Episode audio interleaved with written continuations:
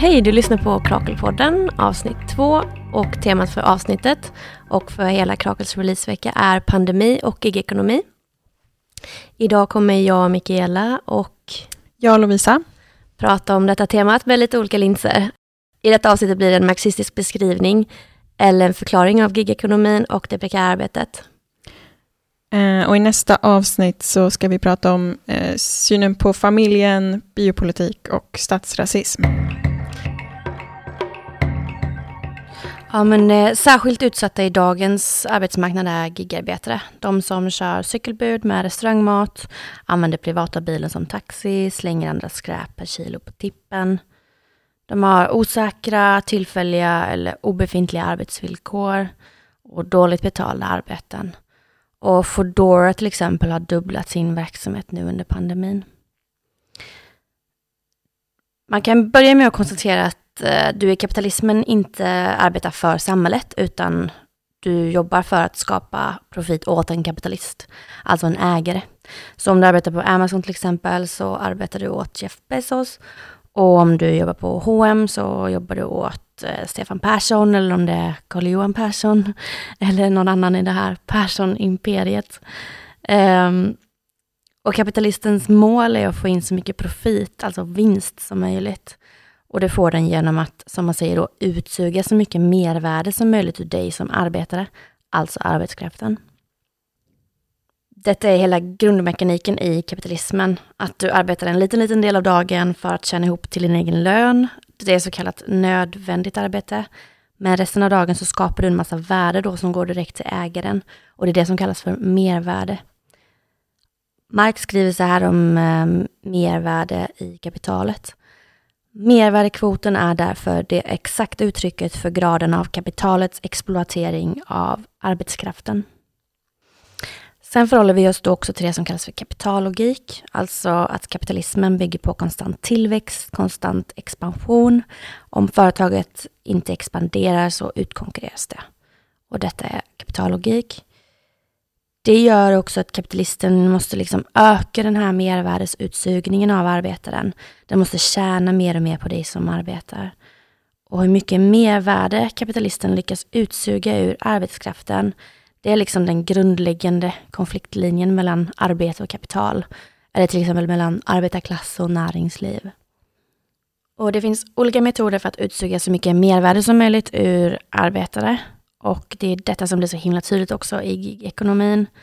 Det första kallas för absolut mervärdesproduktion. Det är helt enkelt att du ska jobba längre, men utan att få mer lön.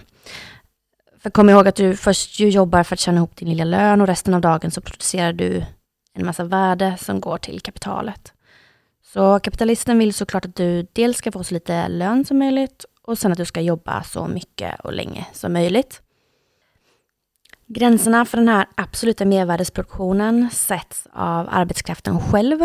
Alltså en människa kan liksom inte arbeta 24 timmar om dygnet. Den kommer dö av sömnbrist.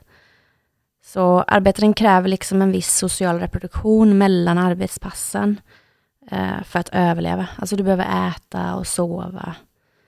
Eh, men även liksom se till att man är arbetsför, liksom har hela kläder. Allt som liksom rör hemmet, eller vad man ska säga eh, och reproduktion av ens liv och leverne och så, kropp. Liksom. Och det är den här sociala reproduktionen då som är en obetald syssla i kapitalismen. Alltså, fastän att den krävs för att liksom, eh, produktionssättet ska fungera, för att kapitalismen ska fungera, eh, för att man ska kunna producera, så är den ändå obetald. Den har normalt sett tillfälligt då kvinnor. Det är det som är liksom kapitalismens arbetsdelning.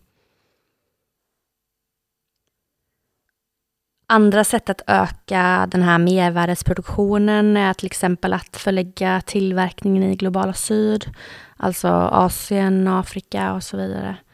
Eh, där kan ju kapitalister hålla nere arbetskraftens kostnad genom extremt låga löner och billig produktion. Fler metoder är obetalda raster, jourarbete, dubbla turer.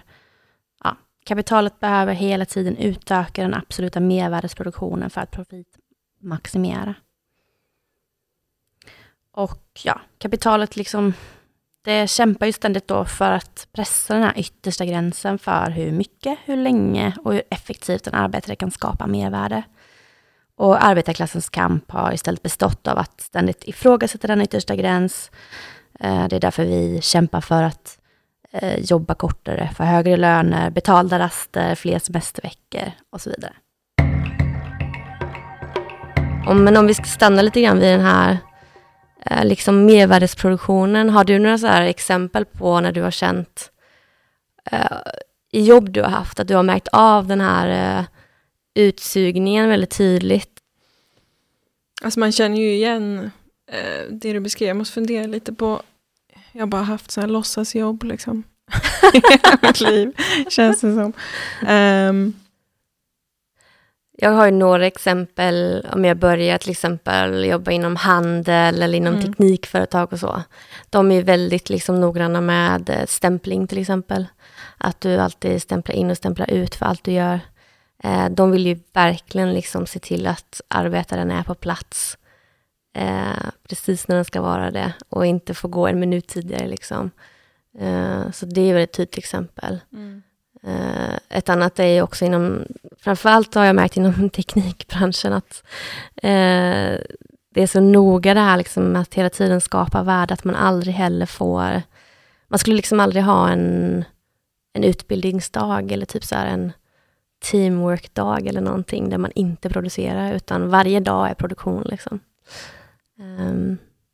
Mm. Ja, men det där är faktiskt väldigt intressant. Men det, jag tänker liksom också att det är liksom också fascinerande hur de här logikerna också brer ut sig. Alltså även, de existerar liksom även inom så här, eh, offentlig förvaltning och hur liksom myndigheter opererar, hur eh, hur domstolar opererar, alltså det här med att liksom stämpla in och stämpla ut, mm. att man, de liksom, eh, resurser man lägger på någon slags här teambuilding och sånt, handlar också väldigt mycket om så här, att maximera liksom, på olika sätt. Att de här, många av de här liksom, eh, ja, de här sätten att, eh, ja, de här logikerna helt enkelt, eh, liksom, opererar också inom typ så, Försäkringskassan, liksom, eh, på flera sätt. Det tycker jag är fascinerande. Ja, och det ser man också, eh, det som kallas för New Public Management, alltså att man bedriver helt enkelt offentlig verksamhet med typ de här kapitalistiska verkligen. mekanikerna och mm. logikerna. Så ja, verkligen. Um, och det andra sättet, förutom då absolut mervärdesproduktion, kallas för relativ mervärdesproduktion. Och det innebär liksom att man ökar produktiviteten inom systemet. Uh, alltså att arbetet går snabbare att utföra, du blir mer produktiv. Men då behöver också kapitalisten mindre arbetskraft i varuproduktionen. Eh, och det i sin tur gör att arbetskraftens värde faller, alltså du som arbetare. Eh, allt färre arbetare utför allt mer arbete. Så det blir liksom en motsättning här. Eh, för att kapitalet vill liksom dels effektivisera och sen dels utsuga så mycket som möjligt. Runt om i världen nu då så befinner sig arbetarklassen i olika system med timanställningar, sms-gig, minimilöner, obegränsad längd på arbetsdagen, obefintliga arbetsplatser, förbud mot facklig organisering. Amazon är inget gigföretag, eller de har ju den här Amazon Flex, jag vet inte om det kan räknas som det, men eh, de har ju oerhört liksom farliga arbetsvillkor, håller på och, eller har etablerat sig nu på svensk mark. Eh, och Uh, faktum är att typ Amazon, Facebook och Tesla hör till de tolv farligaste arbetsplatserna att arbeta på i hela USA. Um, ehm, så det känns som att det är verkligen är utmärkande för både gigekonomin och gig, eh, vad ska man säga, plattformsekonomin och gigjobben, men även typ techjättarna. Eh, att de har extremt otrygga arbetsvillkor, eh, där arbetskraften verkligen pressas till döds ibland. Eh, Foodora har ju flera olika dödsolyckor. Eh, folk som cyklar, krockar. Eh, Uber har ju haft folk som har dött av utmattning för de har jobbat för, för långa dagar. Liksom. Globalt idag så finns, eh, kan man säga att eh, arbetskraften består av 3,3 miljarder människor. Eh, alltså som jobbar, i, eller som exploateras i kapitalismen och nästan hälften av de här har prekära arbetsvillkor. Så det är verkligen extremt mycket människor. Men man kan också säga att kapitalet, liksom, de, kapitalet behöver ju den här eh, exploateringen, eller vad de, ja, de kallar det väl flexibilitet, liksom, för Vi lever i en global nätverksproduktion, vi har mycket just in time och eh, väldigt liksom eh, intrikata handelskedjor som måste fungera. Eh, när du beställer mat så ska du få det då, till den platsen du beställer, där och då. Liksom. Um, och det går liksom inte att schemalägga allt sånt här eller planera allt sånt här, utan det, det sker liksom med andra, under andra former. Um, och det gör liksom att arbetaren helt enkelt behöver vara tillgänglig i princip dygnet runt för vad som helst. Och om man går över lite grann till det här med det som kallas för produktionsmedel inom eh, marxistisk teori, så kan man också säga att en kapitalist vill ju såklart, alltså det vi sa nu, den vill utsöka så mycket mervärde som möjligt, men den vill också se till att den håller nere kostnaderna så mycket som möjligt. Eh, och det gör man ju också på väldigt extrema sätt i den här gigekonomin. Eh, traditionellt i den marxistiska teorin så är det kapitalisten som äger produktionsmedel och det är alltså till exempel maskiner, verktyg, råvara, utrustning. Eh, kapitalisten äger de här och du använder dem som arbetare. Men i gigekonomin så tvingas arbetarna själva köpa och reparera produktionsmedlen, alltså sina cyklar, sina bilar, verktyg, skyddsutrustning och så vidare. Eh, de har inte heller lokaler eller arbetsplatser. Man kan väl också bara nämna det, Sydsvenskan gjorde ju ett reportage nu om Foodora i Malmö. Eh, för det är inte så att liksom alla, alla grupper i samhället jobbar ju inte inom gigekonomin lika mycket. Eh, och jag såg nu när de gjorde det här reportaget att det var någon som kommenterade typ att eh, oh, jag har sett honom, alltså han som eh, eh, tog det här jobbet då en månad. Jag har sett honom cykla genom stan och jag har alltid reagerat på att han är så en vit medelålders man. Jag har aldrig sett det tidigare. Mm. Jag tyckte det var så himla talande också, för att det, mm, ja, så är det. Mm. Det är faktiskt inte... Uh, gigekonomin, den exploaterar ju verkligen uh, uh, under och arbetarklass. Mm. Uh, och nästan ingen är vit. Uh, ja, men om jag läser ur reportaget uh, på Sydsvenskan så står det så här, det är en som jobbar på Foodora i Malmö då. Och så säger han, uh, om jag tappar mobilen eller får punktering så måste jag betala reparationer själv. Jag får ingen lön, jag får sämre poäng och jag riskerar att få sparken. Alltså de här gigarbetena mäts ju hela tiden, de får löneavdrag om de går på toa typ, eller bromsar för mycket, cyklar för långsamt och så vidare. Och det kan man väl också, om man tänker nu i pandemin, det här när vi lovade massa hemarbete och så, eh, att allt fler liksom eh, uppmuntras jobba hemifrån. Mm. Och att det är väldigt många företag som har sett eh, eh, nyttan i det. För de kan då hålla nere en massa lokalkostnader. Jag såg att det var på SVT häromdagen, någon eh, intervju med någon chef som sa att ja, men, eh, framtidens kontor, existerar de ens? Mm. Ja, men det där är så himla intressant. Alltså, och jag tänker också, ja verkligen att pandemin har så här snabbat på det där så himla mycket på något sätt. Att så här, många av de här liksom, tendenserna, just vad gäller liksom, eh, har jag en så här, ordinarie arbetsplats och så vidare. Många av de tendenserna fanns ju tidigare också på något sätt, men alltså inom så här, en mängd olika liksom, verksamheter, men att det verkligen har snabbats på. Liksom, och att just gig blir, utgör ju någon så här, extrem kanske på en så ganska stor så skala som, liksom, uh, ja, som inbegriper massa olika branscher. Liksom. Det är väldigt mm. intressant. Ja, precis. På tal om det att eh, gigarbetare också då, de saknar arbetsplatser och då relationer till kollegor. Eh, oftast också möjligheten då till facklig organisering. Eh, så dels är de liksom alienerade i det man kallar, alltså i den marxistiska teorin, att de är liksom frånkopplade det värde de skapar, eller vad man ska säga. Men jag tänker också väldigt mycket på hur de är alienerade liksom ur rent mänskligt perspektiv. Eh, verkligen som isolerade öar hemma. Jag sitter med telefonen och väntar på ett pling liksom. Eh, och att det, det är svårt att föreställa sig hur det påverkar eh, en arbetare och en människa liksom att arbeta under de förhållandena. Väldigt lite kontakt med andra, väldigt lite samhörighet. Men också att de inte alls liksom kan eller får organisera sig. Det är viktigt att förstå eh, hur liksom kapitalismens ekonomiska utveckling har varit. Många pratar om att till exempel eh, nyliberala policies och så eh, implementerades typ på 70-talet och framåt. Eh, man kan också se att eh, det är vissa saker som bara har hänt liksom rent eh, logiskt i kapitalismen för att det är så den utvecklas, för att de har olika liksom, inneboende tendenser som gör att den, ja, kapitalet utvecklas på ett visst sätt. Och det har de gjort liksom, det har blivit väldigt stora förändringar de senaste 6-7 decennierna kan man säga. Eh, och jag tänker ju att liksom det här prekära arbetet som vi ser nu är kapitalismens liksom sanna natur. Eh, och att de här, om man ska säga rekordåren eller folkhemsåren, efterkrigstiden och så, att det mer kan ses som liksom ett undantag i den här kapitalistiska utvecklingen. Och att de åren blev, det var liksom ett resultat dels av arbetarklassens kamp för att få mer semester och så vidare. Eh, men också att det var liksom starka industriår Um, mm. Vi hade en utvecklad industri. Och att liksom, den anledningen tänker jag mig till att arbetarklassen under vissa perioder har liksom omgärdats av de här skyddsnäten, bättre villkor och försäkringar, är för att de har organiserat sig, strejkat, protesterat, drivit igenom de här förändringarna. förändringarna. Uh, och liksom hela tiden då tryckt tillbaka den här konfliktlinjen vi pratar om innan mellan arbete och kapital. Mm.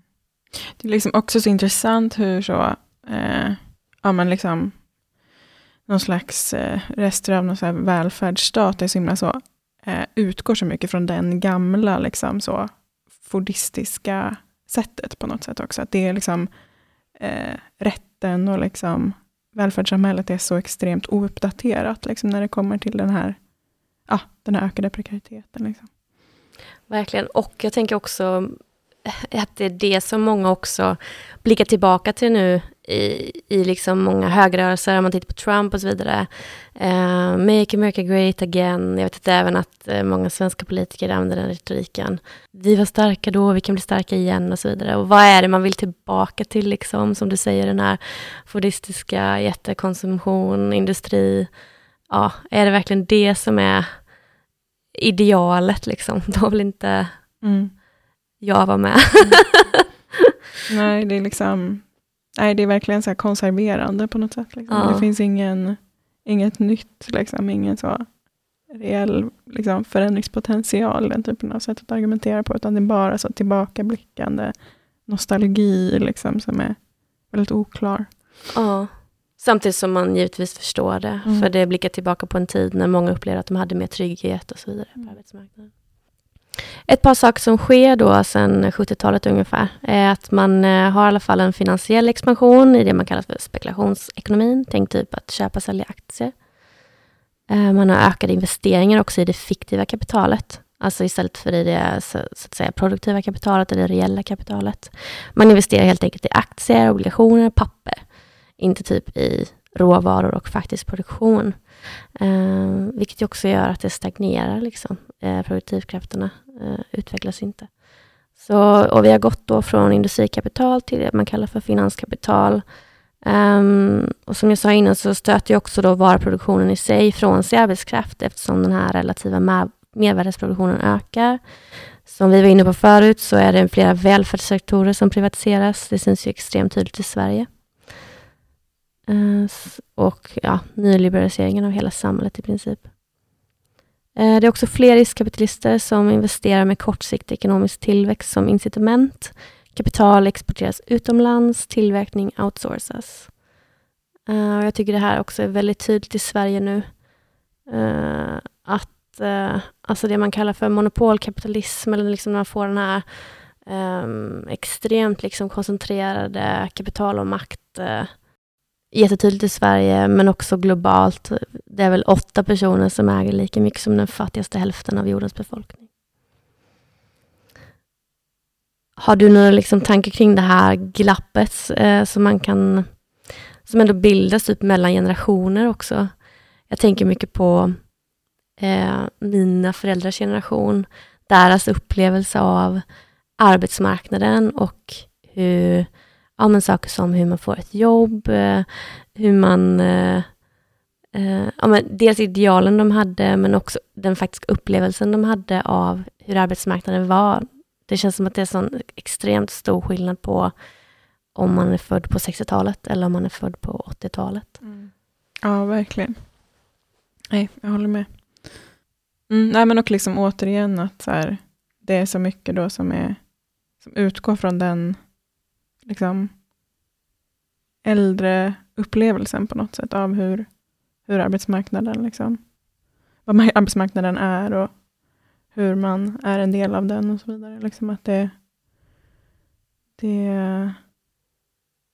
ja, det är väldigt långt ifrån liksom, de reella villkoren för väldigt många människor. Uh, det, jo, men det tycker jag man slås av väldigt ofta. Att det finns verkligen en, ett generations liksom, glapp där på något sätt. Helt klart. Och tänker jag man märker att argumentationen ibland också från tidigare generationer eh, de applicerar liksom sin upplevelse av arbetsmarknaden på gigekonomin och använder gärna liksom de här man måste börja någonstans, mm. det var tufft när jag var ung också, det är bättre än ingenting och så vidare. Mm, verkligen. När det egentligen är extremt stora skillnader i liksom hur eh, arbetet ser ut. Men det man kan säga om liksom utvecklingen också, alltså gigekonomin har ju verkligen eh, exploderat också i Sverige. Och eh, jag funderar ju mycket på vad det gör, som jag var inne på innan, med människan liksom som, eh, som en eh, mänsklig varelse. Eh, när vi blir så isolerade. Eh, om vi också då blir rädda. Rädda om eh, vårt eget, rädda för andra. Det driver också pandemin på väldigt mycket nu när man också ska hålla avstånd, man ska liksom inte samlas i stora grupper, man ska... Um, det känns som att alla de här värdena liksom um, spelar också högen rakt i händerna. Mm. Uh, mm. Det är som att det skyndar på liksom. Mm, det är superintressant. Alltså, jag tänker också att det Alltså det händer ju någonting med en människa när man inte... Alltså någonstans finns det en dimension att man måste typ tvingas in i någon slags kollektiv liksom, solidaritet. Att det är någonting som kommer genom hur man liksom stöter ihop med andra människor. Liksom.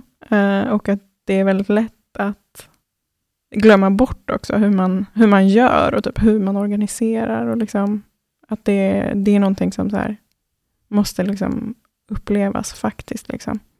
Och att det är det som gör det så himla vanskligt också. Att man liksom inte försätts ens i de situationer där, där man kan liksom, ja, utveckla någonting tillsammans. Liksom. Sant. Motståndet blir väldigt försvagat. Mm. Och det politiska liksom, eh, projektet blir också satt på paus på många mm. sätt. Man får liksom, ja, allt ska digitaliseras, vi kan som du säger mötas, vi kan inte organisera oss på samma sätt. Ja, så jag tycker bara märker det liksom Uh, själv alltså är min oerhört inte så här gigarbetestillvaro, liksom, men att jag, alltså det är väldigt lätt att bli lat. Typ. Eller liksom att ja, ja, helt enkelt komma av sig, liksom inte glömma bort så hur, hur man gör. Det kommer inte lika lätt till mig, tror jag, som för ett år sedan. Att så här, jag vet inte, organisera mig eller liksom hitta på grejer. Jag tycker att det, jag märker verkligen att det har konsekvenser för mitt beteende och att jag blir lite så kortsiktig och bekväm. Typ. Mm. Ja. ja, och att man också bara blir eh, ja, men, ovan vid att mötas. Mm. Eh, vilket egentligen tror jag är precis det människor behöver göras, göra ännu mer. Liksom. Verkligen. Eh, så ja. Och det är liksom, det är så himla, alltså där funderar man ju mycket på hur det här kommer vilka konsekvenser det här kommer få på längre sikt också. Typ kring hur man organiserar liksom arbetsplatser också i största allmänhet, tänker jag, i samhället. Att det här är ju inte, alltså många av de liksom trender, om man kan säga så, som sätts nu, kommer ju forts så de kommer ju verkligen ha konsekvenser över tid och sätta någon slags nya standarder för hur arbetsplatser liksom organiseras, eller typ inte organiseras snarare. Liksom. Uh, och det är läskigt att tänka på, tycker jag. Mm, jag håller med. Jag tror det var Twitter som, eh, eh, alltså företaget Twitter då, som eh, sa att nu kommer de erbjuda sina arbetare att jobba hemifrån forever, stod det. Mm. eh, också väldigt så tydlig, för de är ju det här, tänker jag, en, eh, ett bra sätt att eh, separera också arbetarklassen. Splittra den, hålla den isolerad. Absolut. Bara, bara, då blir man ju verkligen en sån värdeproducerande maskin, typ. Vakna, producera, Och också att gränserna då mellan arbete och fritid ännu mer suddas ut. Mm. Ja. ja, det ska bli väldigt intressant och liksom, eller intressant, jag vet inte om det är rätt ord, men alltså det från på något sätt följa hur man kan hitta alternativa sätt då i det här till liksom organisering, antar jag. Att det, det kommer bli väldigt viktigt. Liksom. Verkligen.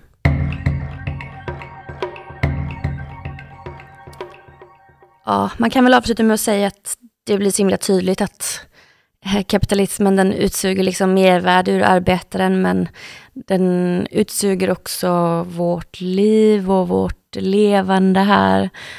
Och Marx jämförde faktiskt eh, Eh, kapitalismen med, eller kapitalet med en vampyr. Alltså han kallar kapital för dött arbete och att det är som en vampyr som liksom eh, insuger. Och eh, desto mer den insuger, desto mer behöver den.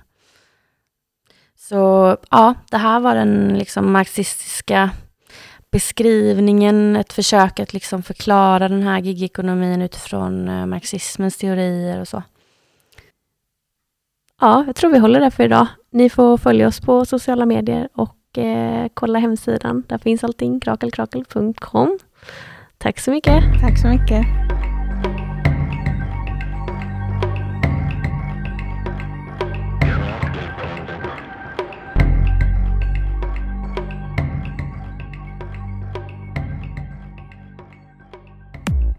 Du har lyssnat på en podcast som görs i samarbete med ABF Malmö.